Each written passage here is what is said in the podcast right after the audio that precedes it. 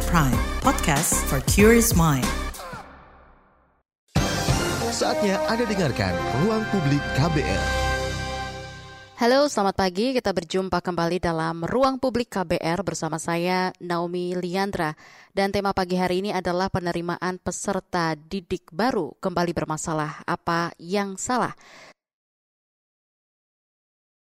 Saudara proses penerimaan peserta didik baru PPDB 2023 ini sudah selesai dan seperti tahun sebelumnya di PPDB tahun ini pun muncul beragam persoalan termasuk soal zonasi dan juga teknis tata cara pendaftaran. Ini memunculkan seruan agar Kemdikbudristek mengevaluasi total kebijakan dan juga pelaksanaan sistem penerimaan peserta didik baru PPDB. Bahkan juga ada usulan sistem zonasi dalam PPDB ini dibatalkan. Lalu mengapa pelaksanaan PPDB tiap tahun selalu ada permasalahannya? Kita akan perbincangkan bersama-sama hal ini dengan kedua narasumber kita di ruang publik KBR. Ada Kabit Litbang Pendidikan Perhimpunan Pendidikan dan Guru P2G Feriansyah dan juga perwakilan dari orang tua siswa peserta PPDB 2023 dari Jakarta, ada Sari. Selamat pagi Ibu Sari dan juga Pak Ferry. Selamat pagi Mbak Nomi. Terima kasih sudah hadir di ruang publik KBR, Pak Ferry dan juga Ibu Sari. Baik, PPDB 2023 ini masih diwarnai beragam masalah ya.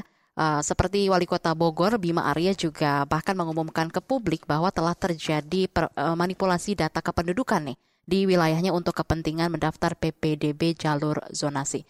Mungkin dari uh, orang tua murid dulu nih perwakilan Ibu Seri terkait masalah zonasi ini ternyata juga dihadapi oleh Anda ya Bu ya yang anaknya mengikuti PBDB untuk uh, tingkat SMA di Jakarta. Bisa diceritakan soal ini Bu silakan. Ya, uh, baik terima kasih sangat uh, pagi Mbak Nomi, selamat pagi pendengar Ruang Publik KBR. Uh, baik, di sini saya, mungkin saya ingin uh, bercerita sedikit terkait kemarin uh, masalah jonasi ya uh, yang saya alami uh, anak saya. Jadi yang saya rasakan dan saya alami ini uh, jonasi ini uh, terutama sedikitnya informasi atau edukasi yang diberikan instansi-instansi uh, terkait ya, terutama sekolah atau dari instansi lainnya seperti Dinas Pendidikan dan Kementerian Pendidikan seperti itu. Terutama kalau yang di sekolah itu memang ada penyuluhan sebelumnya sih terkait PPDB online-nya seperti itu. Jadi kami dipanggil orang tua murid terkait edukasi masalah PPDB online. Mm-hmm. Setelah itu cuman hanya diterangkan hanya kayak PPDB online itu ada uh, jalur uh, prestasi akademik, jalur afirmasi, jalur jonasi, jalur uh, tahap dua, jalur uh, orang tua dan guru seperti itu. Di situ uh, hanya uh, menerangkan sedikit uh, terkait mungkin kalau prestasi akademik diterangkan, hmm. afirmasi juga terangkan untuk jonasi ini. Jonasi ini yang saya sempat tanyakan juga waktu itu dengan kepala sekolah satu kepala sekolah SMP negeri di Jakarta Pusat saya tanyakan kalau untuk yang jonasi karena apa saya hanya ambil jonasi dan prestasi karena kan memang anak saya nggak ada KJP jadi saya pasti ambil yang prestasi dan jonasi gitu. Lalu saya tanyakan yang jonasi ini uh, seperti apa untuk hmm. pemilihannya ke kepada beliau saya tanyakan lalu dijawab di situ nanti diambil uh, dari misalkan ada sekolah terdekat di wilayah rumah hmm. lalu nanti uh, wilayah-wilayah tersebut RT RW itu nanti dipilih gitu okay. dari sekolah tersebut gitu. Tetapi oke okay, seiring berjalan setelah sistem jonasi ini berjalan saya memilih tahap jonasi ternyata itu saya juga mendapatkan uh, informasi bahwa jonasi itu dipilih dari kelurahan ada beberapa kelurahan dan kecamatan gitu mindset saya, pikir saya, ya namanya sekolah itu kan di kelurahan, yang hmm. saya dekat rumah itu kelurahan dan kecamatannya sama. Ya. Saya pikir bisa me merangkup atau uh, jonasi yang RT RW saya masuk ke jonasi sekolah ini. Okay. Ternyata setelah uh, saya dapat informasi dan ada datanya itu, saya lihat jonasi di wilayah sekolah rumah saya itu jonasi ada jonasi 1, 2 dan tiga. Jonasi satu itu kurang lebih ada beberapa RT dan RW yang diambil. Jonasi kedua mm-hmm. itu dia sudah bukan lagi yang namanya jonasi wilayah sekolah itu di mana e, berdiri gitu. Jadi sudah menyeberang ke wilayah Jauh ya? Jakarta Barat. Saya okay. Jakarta Pusat. Jadi diambil jonasi itu ke Jakarta Barat. Hmm. Jadi kami banyak sekali kemarin itu ibu-ibu yang marah atau e, meluapkan emosinya kepada sekolah tersebut gitu. Okay. Dan sekolah hanya mencatat poin-poin ibu-ibu yang apa keluhannya seperti apa. Ada klarifikasi lain nggak dari sekolah? Klarifikasi lain dari sekolah saya tanyakan apa dasar apa sekolah hmm. mengambil RT RW setempat ini Eh, dari mana saya bilang saya uh, lalu pihak sekolah itu yang uh, panitia PPDB online hmm. menyatakan oh kita ambil Bu yang terdekat jonasinya lalu saya pertanyakan uh, kenapa RT saya dan RW saya yang jaraknya hmm. hanya 500 meter dari sekolah itu yeah. tidak masuk saya bilang malah ya tadi jonasi itu malah melempar ke jonasi kedua itu melempar ke wilayah Jakarta lain gitu Baik. Baik, berarti uh, jaraknya tuh berseberangan sekali ya dengan jarak rumah Ibu Ferry ya. Sekali. Nah, baik uh, soal zonasi ini memang ya Pak Ferry membuat pusing orang tua salah satunya Ibu Seri yang sudah hadir langsung di studio yeah. KBR saat ini yang juga sekalian curhat begitu ya. yang juga yeah. tentunya uh, untuk orang tua lain yang mau mendaftarkan anak-anaknya nih Pak Ferry. Salah satunya seperti soal migrasi domisili. Seperti apa temuan di P2G nih Pak di lapangan? Ya, terima kasih Mbak Naomi. Jadi memang ini PPDB zona ini memang uh, sejak 2017 itu berulang ya, berulang sampai 2023 dan hampir sama permasalahannya Bu Sari. Itu tiap tahun ada saja gitu yang dari penentuan zonanya gitu kan, kemudian uh, keterbukaan informasinya gitu. Jadi memang ada fenomena uh, apa uh, kita uh, distrust terhadap uh, panitia gitu kan uh, pelaksana PPDB ini seperti itu karena memang uh, keterbukaan informasinya. Kalau memang uh, zonanya itu jelas, kenapa Bu Sari itu baru mengetahui ketika anaknya uh, ternyata rumahnya itu tidak masuk zonanya gitu. Walaupun uh, pertimbangannya apa gitu. Jadi kan ini ada ada ada apa ya ke misinformasi yeah. seperti itu. Nah, uh, Bu Sari itu tidak mendapatkan informasi yang jelas. Kemudian migrasi ini yang yang uh, fenomena yang terjadi gitu kan. Nah, wali kota Bogor kemarin itu uh, apa ya uh, me, Sidak. ya me, mensidak gitu kan. Walaupun sebenarnya kalau P2G melihat sebenarnya ini ter, terkait dengan uh, political will tentang pelaksanaan apa ya penyiapan dari sekolah-sekolah uh, yang berkualitas karena ini paradigmanya adalah paradigma tentang sekolah unggul dan tidak unggul ini yang menjadi masalah gitu padahal inginnya uh, zonasi ini kan agar tidak tidak ada lagi uh, stereotip terhadap uh, sekolah ini unggul, sekolah ini tidak unggul gitu. Jadi semua sekolah itu harusnya unggul. Dan ini kan tanggung jawabnya tanggung jawab pemerintah daerah. Saya kira itu Mbak Naomi yang yang harus kita uh, garis bawahi. Oke, baik. Tadi sudah disampaikan juga oleh Ibu Sari begitu ya soal zonasi juga Ibu Sari sebelumnya sudah mencari informasi lanjutan ke sekolahnya langsung, tapi hasilnya memang kurang memuaskan. Bahkan orang tua lainnya juga ikutan kecewa seperti itu ya. Bagaimana dari P2G melihat upaya berbagai pihak nih seperti Dukcapil dan juga Kemendikbud mencari solusi terkait masalah yang timbul dalam zonasi ini, Pak Ferry?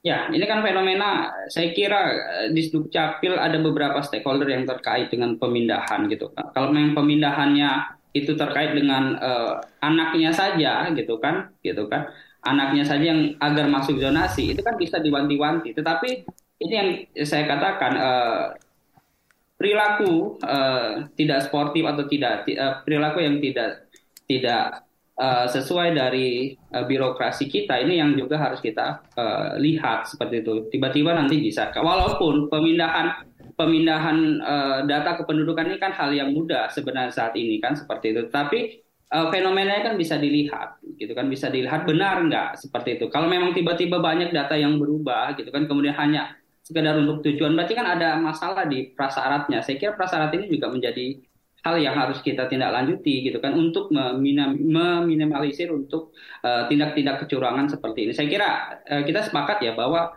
memindahkan uh, uh, data kependudukan untuk um, memenuhi kriteria agar masuk zonasi adalah kecurangan dalam PPDB. Saya kira itu. Oke baik, lalu uh, di PPDB sebelumnya ini kan uh, masalah terkait zonasi sudah terjadi begitu ya, bahkan dari tahun 2017 juga tadi sempat Pak Ferry sampaikan tapi masih terulang di tahun ini. Mungkin bisa di-explain lagi oleh Pak Ferry gitu. Sebenarnya apa sih Pak poinnya yang bisa dibilang ini bisa berulang lagi, berulang lagi, berulang lagi sampai akhirnya orang tua juga Ya, saya juga orang tua ya, Bu Sari ya. Kita juga pastikan uh, kecewa juga begitu, Pasti. Pak Ferry.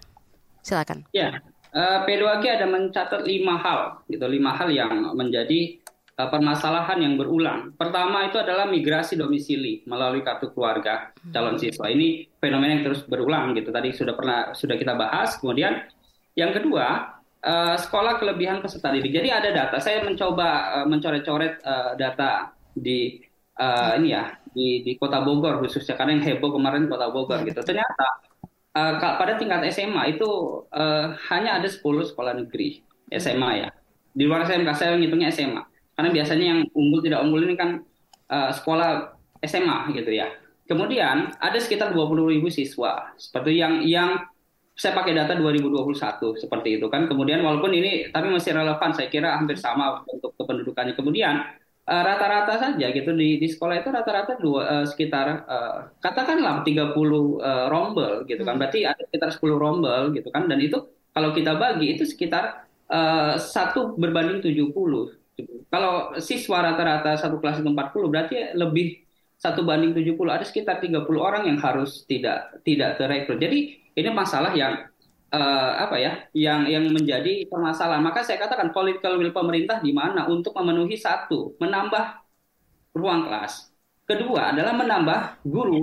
Ini kan menjadi harusnya uh, sudah berapa tahun wali kota ataupun pemerintah setempat uh, harusnya pendidikannya menjadi prioritas karena ini kan kebutuhan uh, selalu menjadi kebutuhan seperti itu. Jadi ini yang harus kita hitung gitu. Jadi satu banding 70 pasti ada yang terbuang kan seperti itu. Belum lagi nanti uh, pendekatan. Kemudian yang ketiga uh, sekolah kekurangan siswa ini karena tadi gitu kan Ya. ada stereotip sekolah unggul dan tidak unggul sehingga Oke. orang tua juga uh, yang saat ini kan terkait dengan perekrutan undangan SNPTN memasuki uh, perguruan tinggi negeri ya seperti itu. Jadi jalur undangan dan sebagainya gitu kan. Kemudian kalau sekolahnya tidak unggul nanti undangannya tidak ini uh, tidak tidak terpenuhi gitu atau tidak dapat undangan. Ini kan menjadi uh, permasalahan yang krusial. Sehingga ini berdampak gitu kan berdampak terhadap uh, perekrutan uh, memasuki perguruan tinggi negeri. Kemudian keempat masalah dalam PBBD yang sering juga muncul adalah praktik jual beli kursi, tindakan koruptif gitu kan, tindak, tindakan uh, yang saya kira ini harus benar-benar diawasi gitu, bahwa uh, panitia harus benar-benar uh, menjaga inte- integritasnya. Yang terakhir adalah anak yang berasal dari keluarga yang tidak mampu, jalur afirmasi ini justru uh, dalam zonasi itu tidak tertampung. Seperti itu. Jadi memang akhirnya sekolah negeri, SMA negeri uh, atau sekolah negeri itu uh, menjadi barang yang mahal gitu kan. Barang yang mahal barang yang mewah sehingga diperebutkan gitu. Padahal ini kan melalui kebijakan politik di daerah ini bisa terpenuhi gitu. Jadi terukur dong gitu.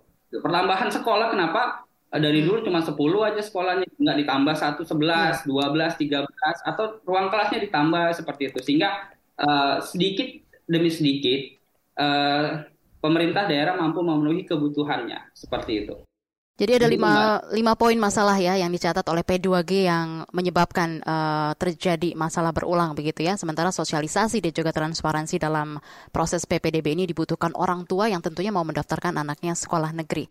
Nanti kita akan bahas lagi bersama-sama, tetaplah di ruang publik KBR. Masih Anda dengarkan Ruang Publik KBR. Commercial break. Commercial break.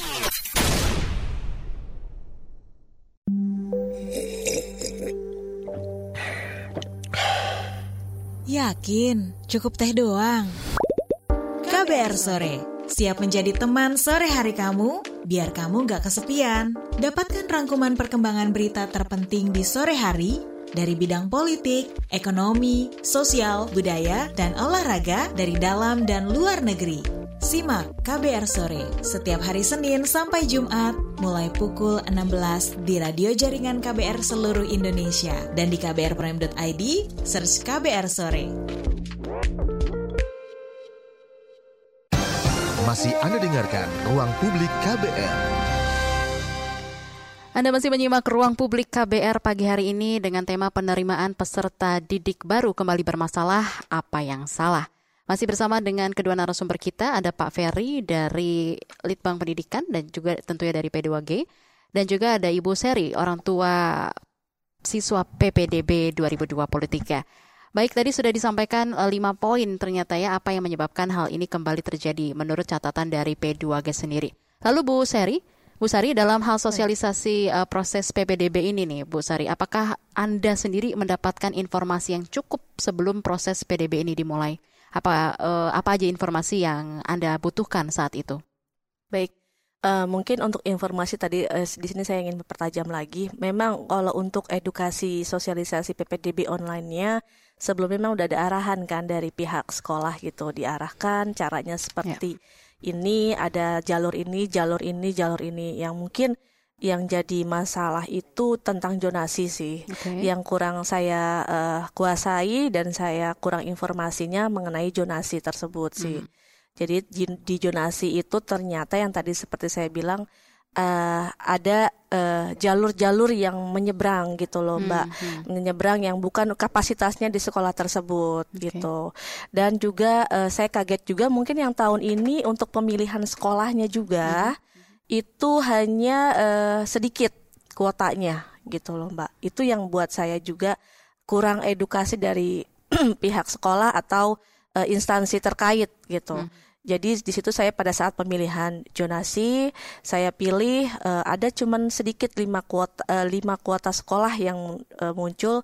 Karena set, setelah setahu saya informasi yang tahun lalu itu ada beberapa sekolah masih hmm. banyak misalkan 10 lah katakan kalau yang tahun ini diperkecil lima sekolah Kurangnya lima kuota 50% sendiri ya? Iya oh, seperti itu. Lalu dengan lima sekolah ini itu diperkecil lagi misalkan sekolah yang di wilayah saya ini diperkecil lagi dengan RT RW tersebut tadi hmm, gitu. Hmm, hmm. Tetapi eh, nyatanya dengan sistem jonasi ini diperkecil dengan RT RW juga tidak efektif. Oke. Okay. Ya tadi seperti contohnya RT dan RW saya tidak mencakup yang di mana jarak sekolah dengan rumah saya itu hanya 500 meter seperti itu. Oke, baik. Nanti mungkin bisa ditanggapi oleh Pak Ferry, tapi sebelumnya kita coba sapa dulu. Ada penelpon yang sudah bergabung baik. di telepon bebas pulsa KBR. Ada Pak Febri dari Denpasar. Selamat pagi Pak Febri. Selamat pagi Bu. Siap, silakan Pak Febri. Ya. Baik Bu, uh, dengan banyaknya permasalahan penerimaan siswa baru sekarang ini, ini disebabkan karena disebabkan karena kesalahan pemerintah zaman dulu Bu. Kenapa saya kenapa saya katakan demikian? Karena andai kata dulu tidak ada namanya sekolah swasta Bu ya, adanya sekolah negeri, mungkin tidak terjadi seperti ini. Kenapa demikian? Karena sekolah-sekolah sekarang itu banyak dikomersilkan, bukan banyak sekolah swasta. Pemerintah zaman dulu kenapa mengizinkan mendirikan sekolah swasta? Kenapa sekolah zaman dulu itu apa yang mendirikan sekolah hanya pemerintah saja, jangan dikasihkan ke swasta tadi. Nah sekarang karena ada orang punya uang mendirikan sekolah, boleh dikatakan komersil, akhir dia membayar anak-anak sekolah itu bayar uang SPTK dengan begitu tinggi. Sementara sekolah negeri kan dulu gratis kan ya Bu ya. Hmm. Sekarang anak-anak itu ingin mencari sekolah mencari sekolah negeri notabene sekolah yang tidak bayar. Hmm. Kemudian pemerintah sekarang membuat aturan zona. Jadi ini sangat menyulitkan karena anak-anak sudah bingung. Oleh karena itu masukan saya begini.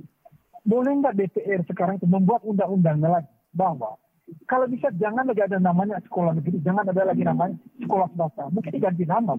Mungkin namanya sekolah negara atau gitu. Baik swasta maupun negeri. Kolaborasi Artinya begini, sekolah negeri dia tetap sekolah negeri itu punya pemerintah. Hmm. Sekolah swasta karena terlanjur sudah dibangun, didirikan oleh pihak swasta untuk mencari keuntungan, itu dikolaborasi bu. Artinya, kan ada dana bos bu, ada dana bos. Jadi untuk sekolah negeri nggak usah lagi dikucurkan uang dana bos. Untuk sekolah swasta dikucurkan dana bos untuk kompensasi supaya anak-anak itu tidak bayar uang sekolah gitu maksudnya gitu. Sehingga anak-anak itu tidak berebutan untuk mencari sekolah negeri. Tapi satu hal yang saya yang saya sampaikan tadi, ganti namanya jangan ada di sekolah negeri sekolah swasta. Sekarang itu zaman agak sulit anak-anak sekarang itu. Seakan-akan yang masuk di swasta itu adalah orang-orang tidak ada orang yang bodoh, orang yang tidak tidak berkualitas yang sekolah negeri. Sementara masuk sekolah negeri ini boleh dikatakan seperti seekor unta masuk ke dalam lubang jarum sulit kami tampun.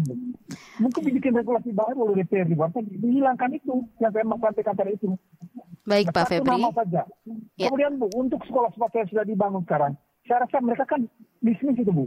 Mungkin sudah dapat untung lah sekolah itu lah, sudah dapat untung, sudah kembali pokok, sudah kembali modal gitu lagi. Dikembalikan seperti ada di undang-undang Bapak untuk mencerahkan kehidupan bangsa dan negara ditanggung oleh negara. Jangan dari sekolah itu anak-anak dari cari sekolah sulit apalagi cari kerja anak-anak kecil ini bikin bingung ini pemerintah ini gimana gitu Bu.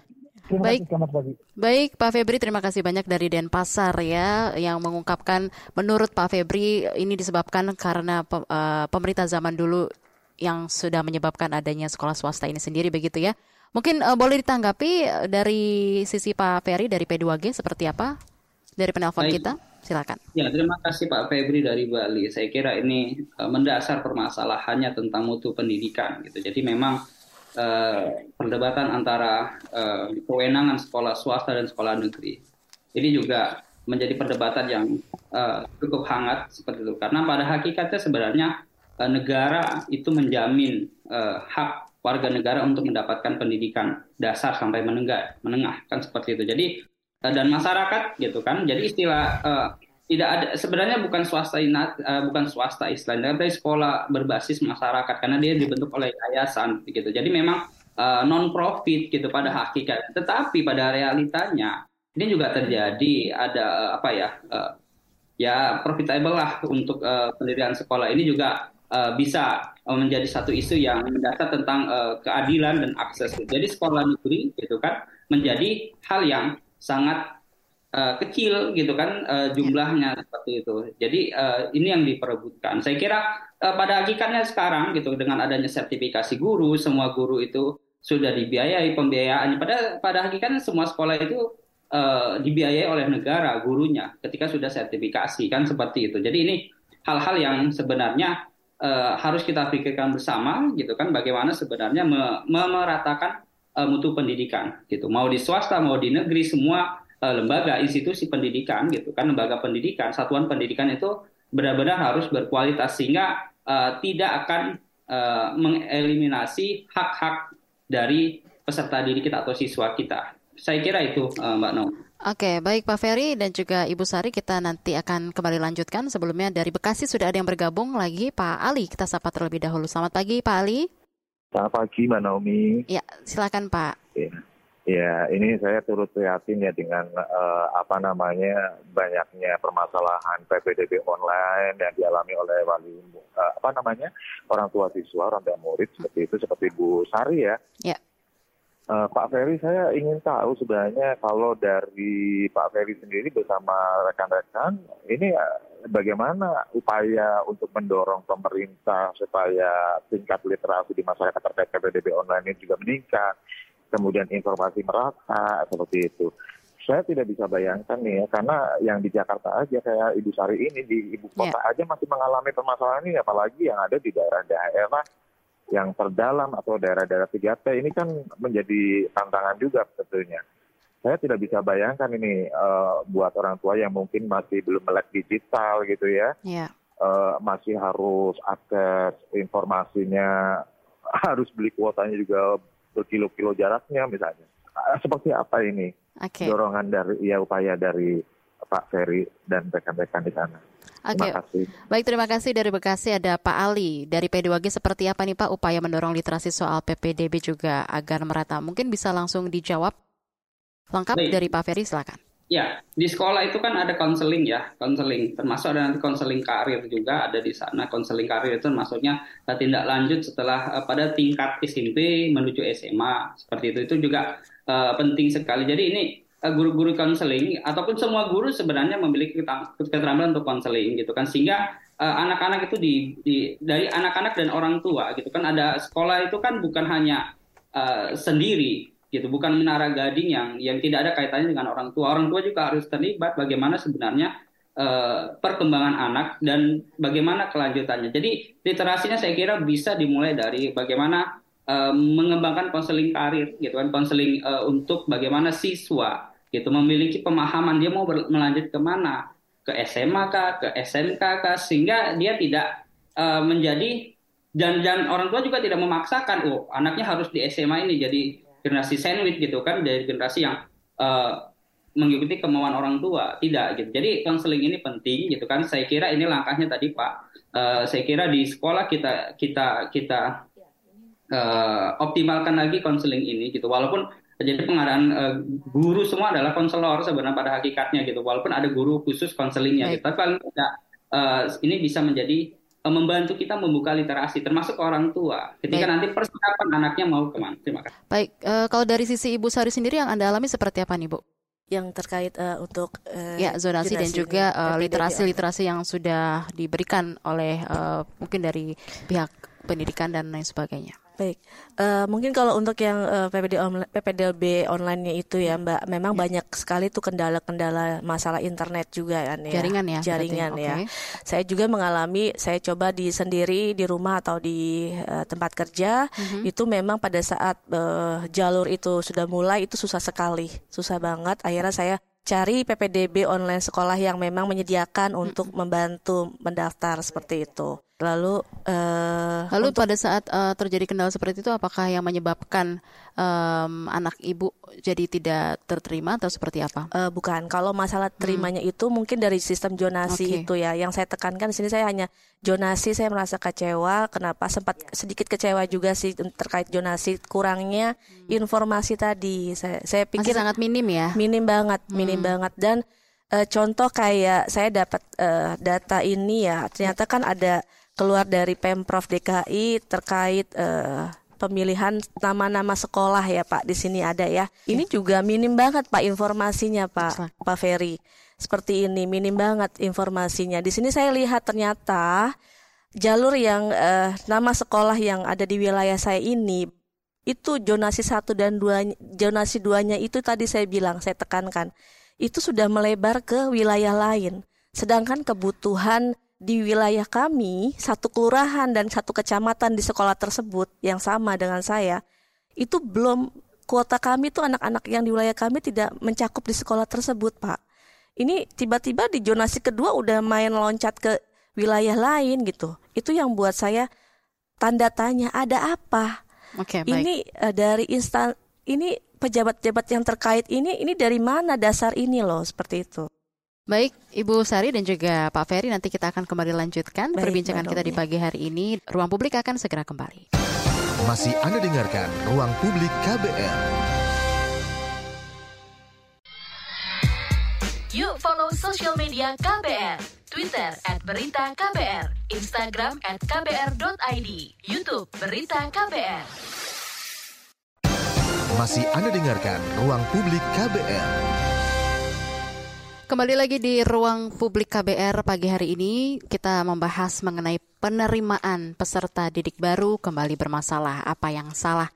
Uh, baik di ruang publik KBR di studio KBR di sini sudah ada Ibu Sari dan juga melalui Zoom bersama dengan Pak Ferry dari P2G begitu ya. Tadi sudah dibahas beberapa hal dan mungkin salah satu kendala juga ya Bu Sari pada saat Anda um, mau mendaftarkan uh, putri atau putranya ke Eh, sekolah yeah. negeri itu adalah kendala jaringan atau server juga. Betul. Itu kesulitan ya. Mungkin bisa Banget. sedikit di-explain juga oleh Ibu Sari itu menjadi salah satu kendala karena di Jakarta Pusat istilahnya yang pusatnya saja sudah bermasalah begitu ya, betul. ya apalagi di daerah-daerah begitu betul, nih Pak Ferry. Agak ngeri juga dan kalau melihat uh, melihat sistem zonasi-zonasi seperti ini nih apakah ini menurut Anda lebih memudahkan atau malah bikin ribet kalau menurut aku sih ya uh, bikin ribet dan riweh dan nggak jelas juga nih jonasi nih. Gimana tuh? ya tadi uh, seperti saya jelaskan uh, mungkin kalau untuk PPDB online sistemnya ya Mbak, mm -hmm. uh, sistem PPDB online-nya itu misalkan kayak tadi struktur jalur-jalurnya itu memang uh, untuk pen penerimaan siswanya memang uh, baiklah sistem yeah. programnya maksudnya biar tidak ada kecurangan ya pemilihan hmm. siswa masuk sekolah seperti itu. Tapi tadi kaitannya yang mengenai Mbak tanyakan sistem jonasinya seperti apa, hmm. ya saya sangat uh, nggak kecewa banget gitu. Jonasi ini yang saya pertanyakan ini jonasi benar-benar jonasi ini kenapa gitu? Ada apa gitu loh Pak Ferry? Uh, dengan jonasi ini harusnya tadi saya bilang harusnya kan dia mencakup dulu yang wilayah terdekat dulu kan diambil gitu ini dia sudah loncat ke wilayah Jakarta yang berbeda gitu loh Pak. Ini ada apa gitu loh? E, ada apa? Ini siapa yang buat e, kebijakan seperti ini tuh siapa? Apakah dari instansi pihak sekolah atau dinas pendidikan atau dari Kementerian Pendidikan gitu Pak Pak Ferry. Jadi saya merasa kecewa sih di sistem jonasi. Mungkin kalau jalur prestasi akademik Iya. atau afirmasi itu ya sudahlah kita sudah paham, sudah mengerti. Jonasi ini yang minim sekali informasi dan edukasinya gitu loh. Saya sendiri sangat sedikit sedikit informasi gitu. Dengan eh, adanya data ini, eh, saya kecewa banget sampai saya sampaikan pihak sekolah, kenapa eh, dari mana kalian pilih eh, RT RW ini lalu pindah ke kelurahan dan kecamatan yang lain. Saya tanyakan, adakah undang-undangnya terkait hal itu pemilihan eh, eh, RT Apa RW tersebut? Tanggapan sekolah itu yang saya SMA negeri salah satu SMA negeri Jakarta dia bilang "Eh, kita dari map bu dari map kita pilih lokasi RT RW yang dekat dengan sekolah saya balikin Maps apa nih, Waze? Eh, mungkin Oke. lalu saya balikin ini Mhm. buktinya apa pak? Kok di zonasi kedua ini oke lah zonasi satu ini RT RW saya tidak masuk. Hmm. lalu di zonasi kedua kok tiba-tiba dia main loncat ke kelurahan atau kecamatan yang berbeda saya bilang. Bapak dari mana ini kebijakannya? Siapa yang buat? Saya bilang gitu kan. Lalu? dia bilang beralihnya ya dinas seperti itu. Oke, jadi lemparnya ke dinas seperti itu ya. Baik dari Depok nih Pak Ferry dan juga Ibu Sari sudah ada juga yang bergabung eh, seorang ibu juga. Ibu Dewi di Depok, selamat pagi. Eh, selamat pagi Mbak. Ya, silakan. Eh, Sebenarnya saya bukan berbicara mengenai PPDB lagi. Jadi eh, yang saya mau tanyakan, apakah eh, ketika seorang anak tidak eh, naik kelas di sekolah asal, kemudian dia pindah ke sekolah eh, yang satu kecamatan atau em, satu kecamatan tidak satu kelurahan, tetapi sekolah yang dia tuju untuk bisa eh, sekolah lagi itu em, apa ya sekolah itu eh, cukup baik terkenal baik. Tetapi apa yang diingat oleh sekolah eh, penerima untuk bisa menaikkan anak tersebut apakah dilihat rapotnya atau eh, eh, kepribadian anak itu atau apa gitu nah yang saya alami Mm-mm. anak itu tidak naik di, di eh, sekolah asal, kemudian dia pindah ke sekolah yang lebih baik, tetapi eh, dia bisa naik ke dalam eh, bisa naik ke sekolah yang eh, berikutnya gitu. Itu aja sih. Oke, jadi baik. kenapa bisa sekolah eh, yang dituju itu menerima padahal track record anak tersebut itu tidak baik termasuk raport yang dia terima dari kelas 10 jadi sampai dengan kelas 11 itu Oke. tidak baik. Baik. Nah, terima kasih Ibu Dewi di Depok. Apakah ketika seorang anak tidak naik di sekolah asal tapi pindah se- ke sekolah lain, ya, yang satu kecamatan, eh, tapi bisa naik kelas, apa tuh yang menjadi kriterianya Pak Ferry? Mengapa bisa diterima? Mungkin bisa dijelaskan oleh Pak Ferry? Ya, istilah naik kelas dan tidak naik kelas ini sepertinya sudah terlalu usang, tapi masih ada ya. gitu. Karena kan basisnya sekarang kompetensi ya. Gitu. Jadi ukuran raport lagi atau eh, ini ya. Kalaupun dia ada pembinaan, itu kan ada ada pembinaan gitu. Jadi istilah naik kelas dan tidak naik kelas itu agak aneh saya dengar dengarnya sekarang gitu. Karena pun kelulusan juga ditentukan oleh sekolah dengan standar kompetensi yang sudah kita eh, sudah dibuat oleh eh, di kurikulum dan dan dielaborasi oleh guru. Jadi memang ini fenomena yang cukup uh, unik. Nanti kalau memang mau uh, di P2G di advokasi benar nggak gitu? Karena memang penentuan naik dan tidak uh, naik kelas itu sesuatu yang sebenarnya sudah sudah harus kita tinggalkan seperti itu. Karena memang ketika anak-anak bermasalah ada hambatan belajar gitu kan. Tidak ada anak yang nakal, tidak ada anak yang bodoh gitu kan. Keterlambatan belajar iya seperti itu. Tapi kan itu berarti metode pendekatannya yang harus kita lakukan. Jadi ini saya kira eh, nanti Bu Dewi ini saya kira eh, bisa kita eh, lihat bagaimana kita mengadvokasinya sepertinya gitu. Tidak ada siswa yang harus ditinggalkan Hmm. seperti itu. Saya kira ini fenomena yang eh, dulu iya gitu kan eh, dulu gitu karena belum belum banyaknya perubahan paradigma tentang pendidikan. Kalau saat ini bahkan eh, masalah kelulusan itu kan eh, tentang kompetensi. Jadi sekarang karena. KBK begitu ya? Karena sudah KBK ya, Pak? Kompetensi. KBK, eh, KBK eh, kompetensi gitu Iya. kan bahkan di, di kur- kurikulum ini kan ada profil pembelajar gitu kan seperti itu. Saya kira ini yang nanti coba kita lihat lagi Bu Dewi. Baik, terima kasih Pak Ferry. Mudah-mudahan bisa menjawab pertanyaan Ibu Dewi di Depok ya. Eh, kita baca beberapa komentar yang sudah masuk di channel YouTube Berita KBR dari Cimahi. Ada Pak Rafa, permasalahan PPDB selalu ada setiap tahun. Yang bikin heran entah itu zonasi ataupun prestasi di hari terakhir pendaftaran, pendaftar tiba-tiba bertambah secara signifikan. Sebenarnya apa yang terjadi?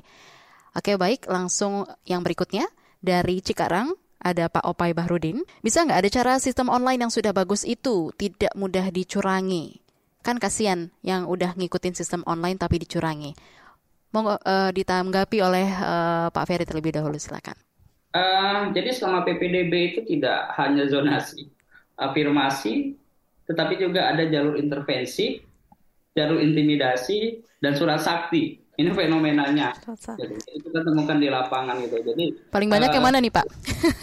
ya, P2G mendesak untuk pelaksanaan PPDB tetap uh, ya, berasaskan keadilan, ya. akuntabel, transparan, dan bertanggung jawab. Sehingga nanti orang tua yang merasa dicurangi termasuk nanti Bu Sari atau uh, bapak ibu yang lain kalau merasa dicurangin laporkan saja ada ombudsman gitu kan atau saber pungli ketika memang ada temuan di lapangan. Jangan jangan takut. Speak up aja. Seperti itu. Saya kira kita P2G juga siap untuk mengadvokasi itu. Karena ini terkait dengan hak anak-anak. Saya kira itu. Oke. Okay.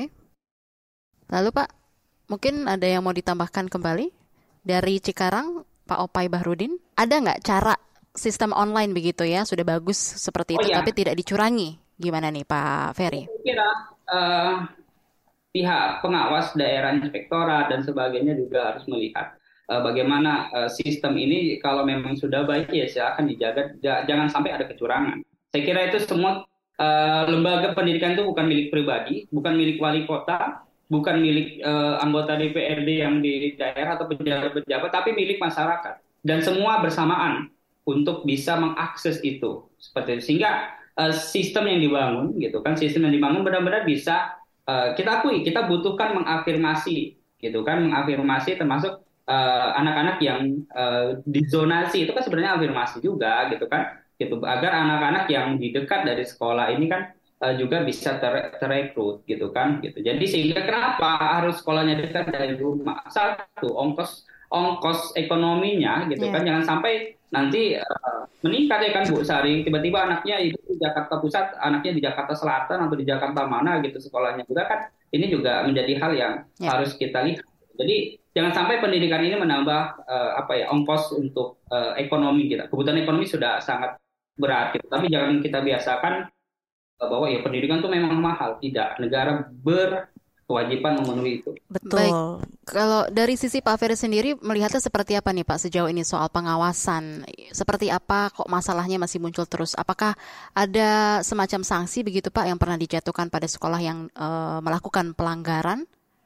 Ya, ini yang harus kita lakukan gitu kan karena belum ada tindak tindak tindak pidana yang uh, uh, tertangkap seperti itu atau uh, yang ditindaklanjuti seperti itu. Ini jadi memang benar-benar harus uh, kita tegas gitu. Kita harus tegas ketika memang terjadi kecurangan gitu. Kita kan uh, mencurigai adanya kecurangan seperti itu kan wajar gitu. Kita harus membangun kecurigaan terhadap yeah. Iya. uh, pelaksanaan tata kelola pemerintahan. Kalau tidak nanti kita nerima-nerima aja ya Bu gitu. Termasuk tadi tiba-tiba zonanya lompat gitu kan. Nah, kita kan harus kenapa seperti itu? Ya kan harusnya memang uh, basisnya itu uh, benar-benar uh, memenuhi rasa keadilan kita lah seperti itu. Oke, baik. Dari Anda, Bu Sari, mungkin ada yang mau ditambahkan dari komentar-komentar yang juga mungkin menyerupai uh, unek-unek hati Anda sebagai orang tua murid juga. Silakan Bu Sari. Iya, betul. Uh, terkait PPDB online ini tadi kan Bapak Pak Firly bilang ini milik semua ya, bukan milik pemerintah atau pejabat yang berkepentingan. Betul sekali Pak, tapi nyatanya di lapangan itu Pak dengan kejadian uh, eh, PPDB on, PPDB online ini khususnya zonasi ini Pak banyak sekali Pak anak-anak yang tidak masuk di negeri.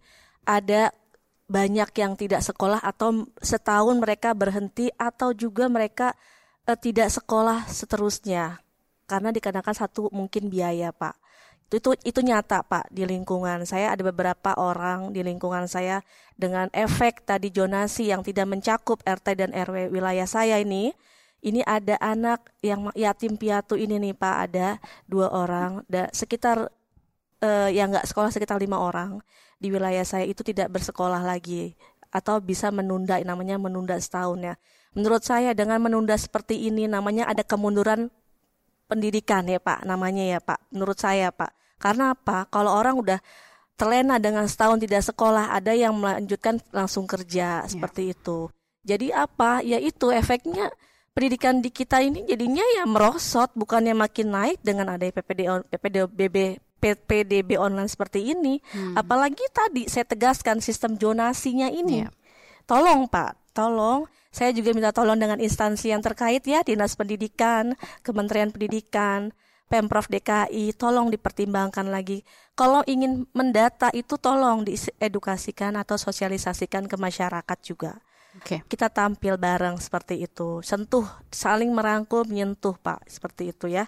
Tentang tadi afirmasi Pak, Bapak bilang tadi benar, itu kan lebih khusus yang orang jonasi dan punya KJP. Kebetulan anak saya nggak punya KJP Pak. Jadi saya sistemnya jonasi dan prestasi kemarin, seperti tapi tidak lolos. Yang sangat kecewa tadi saya tekankan lagi jonasi itu loh Pak. Baik. Udah nggak masuk anak saya, akhirnya masuk ke swasta.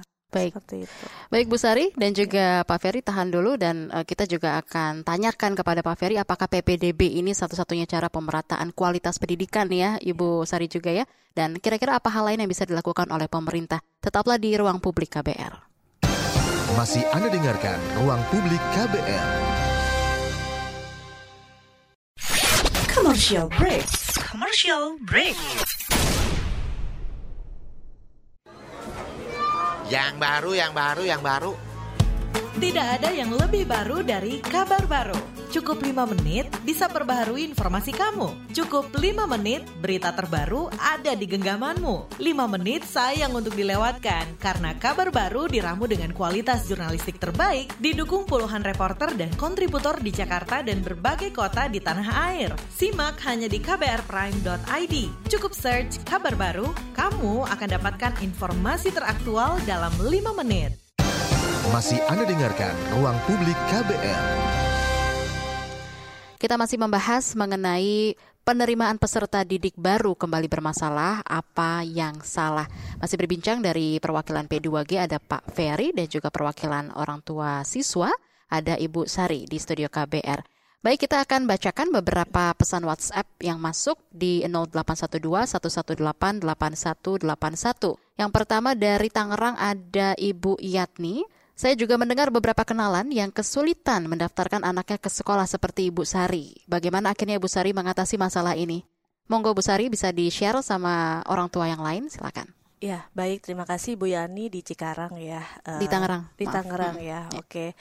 Baik, eh, Bu Yani. eh, percuma ya Bu, kalau misalkan punya kenalan juga itu tidak berlaku. Sebenarnya sistem PPDB online ini sudah baik ya, sudah bagus.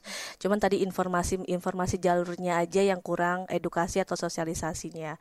Terkait eh, lalu dengan saya eh, tadi apa terakhir Mbak Yang ditanyakan adalah apa eh, yang ditanggapi mengatasi Iya, ya, mengatasi. bagaimana akhirnya Bu Sari mengatasi masalah ini saya mengatasinya ya akhirnya dengan jalur eh, PPDB online ini anak saya tidak terima di sekolah negeri ya saya mau nggak mau harus ke sekolah swasta. Dan ja- jangan salah eh, ternyata eh, sekolah swasta ini sekarang juga sudah cukup eh, pintar juga ya di mana ada perjanjian-perjanjian eh, poin-poin yang di mana kalau sudah bersekolah di situ tidak ada kena denda atau penalti jika ingin keluar dari sekolah tersebut seperti itu. Mungkin ada mungkin ada track record sebelum-sebelumnya seperti apa saya juga nggak tahu nggak paham. Yang pasti saya minta tolong di sini tolong dipertimbangkan atau dari eh, instansi terkait nih eh, mungkin kalau saya eh, dengan perekonomian yang cukup ya maksud kas tapi tolong dengan yang masyarakat yang kelas menengah ke bawah ya tadi dengan ada beberapa warga di dekat saya yang akhirnya tidak bersekolah mbak seperti itu karena efek dari eh, PPDB online sistem jonasinya seperti itu sih mbak Oke, baik Ibu Sari nanti kita lanjutkan kembali. Kita baca dulu WhatsApp berikutnya. Ada dari Krukut Depok Pak Angga Saputra. Ibu narasumber mau nanya, kenapa yang mendaftar penerimaan peserta PPDB harus orang tuanya? Kenapa bukan anaknya sendiri? Kan SMP, SMA sudah dewasa. Kenapa masih harus orang tuanya yang daftarin sekolah? Bisa ditanggapi Ibu Ya. Sari silakan. Betul. eh, Singkat saja. Kebetulan eh, pada saat pendaftaran itu ada anaknya juga. Cuman kan Hmm. kalau anak itu mungkin pengetahuannya masih minim. Saya pun orang tua juga yang bekerja masih minim nih Pak terkait PPDB online ini okay. ya kan. Kalau kita tidak mendampingi anak tersebut, yang ada mereka ya enggak ku, kurang apa ya karena namanya anak-anak kan masih ya udah ya kalau nggak dapat ya udah tapi kalau orang tua kita berusaha semaksimal mungkin nih kenapa hmm. ada apa ya. seperti apa sistemnya gitu kan kita cari jalan keluarnya seperti itu uh, benar mereka sudah dewasa tetapi tetap bagaimanapun orang tua harus mendampingi ya. untuk terkait PPDB online ini gitu kecuali ya, sampai mungkin hmm. dengan bukan dengan di sistem PPDB online mungkin waktu NEM juga ya aku pun merasakan masih didampingi orang tua seperti itu Pak Fe, Pak Baik, jadi uh, didampingi oleh uh, tetap. orang tua tetap ya. iya. ya supaya semua berjalan dengan berjalan lancar baik, tentunya ya, seperti itu betul, ya. Betul.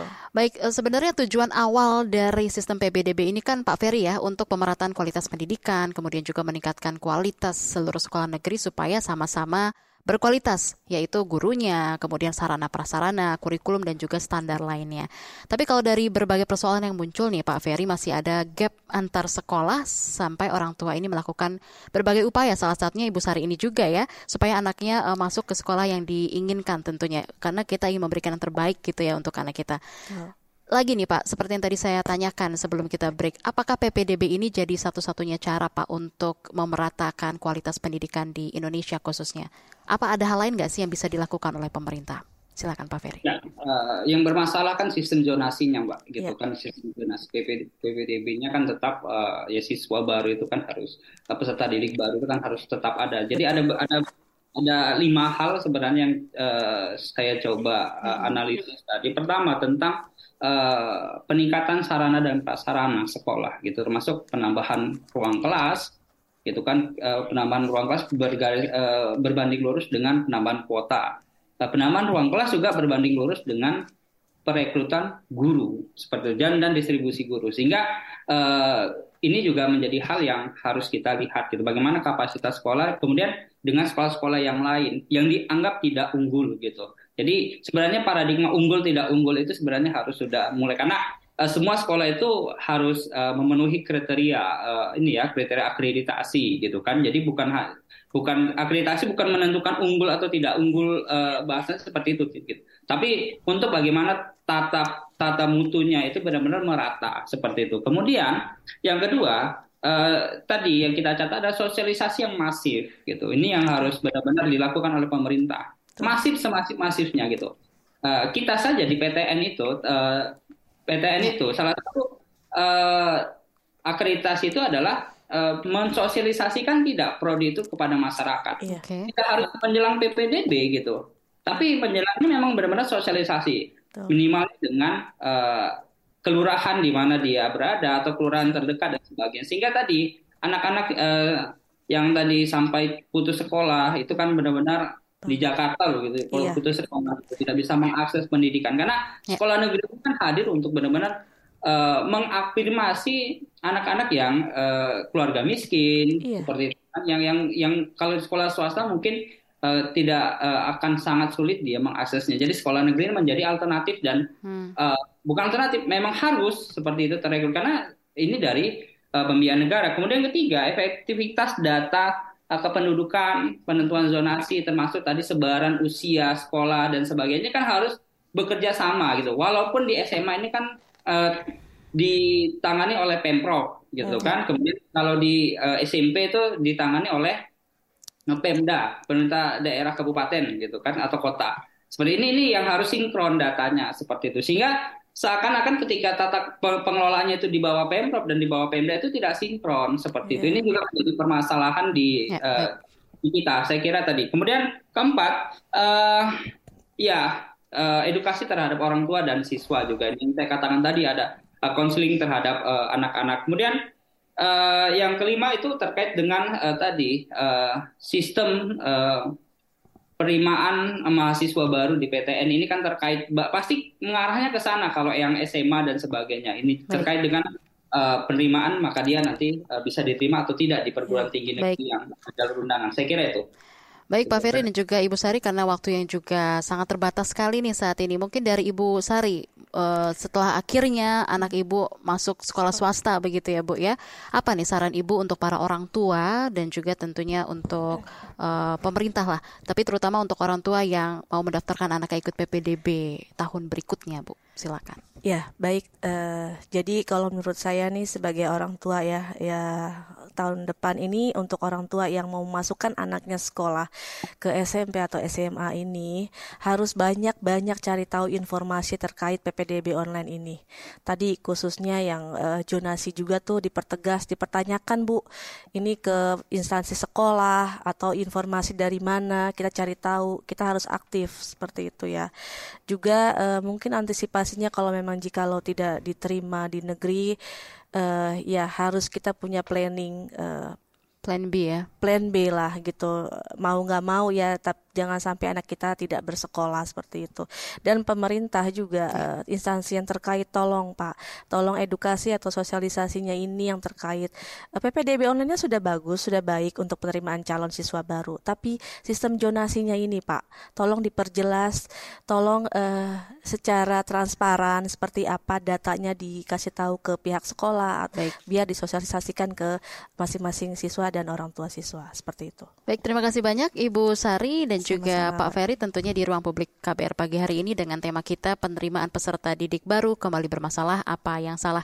Sekali lagi terima kasih untuk Pak Feriansyah Kabit Litbang Pendidikan Perhimpunan Pendidikan dan Guru P2G dan juga Ibu Sari orang tua ya. siswa peserta PPDB 2023 untuk waktunya di ruang publik KBR pagi hari ini. Ya, Akhirnya saya Naomi Liandra pamit undur diri. Terima kasih dan sampai jumpa.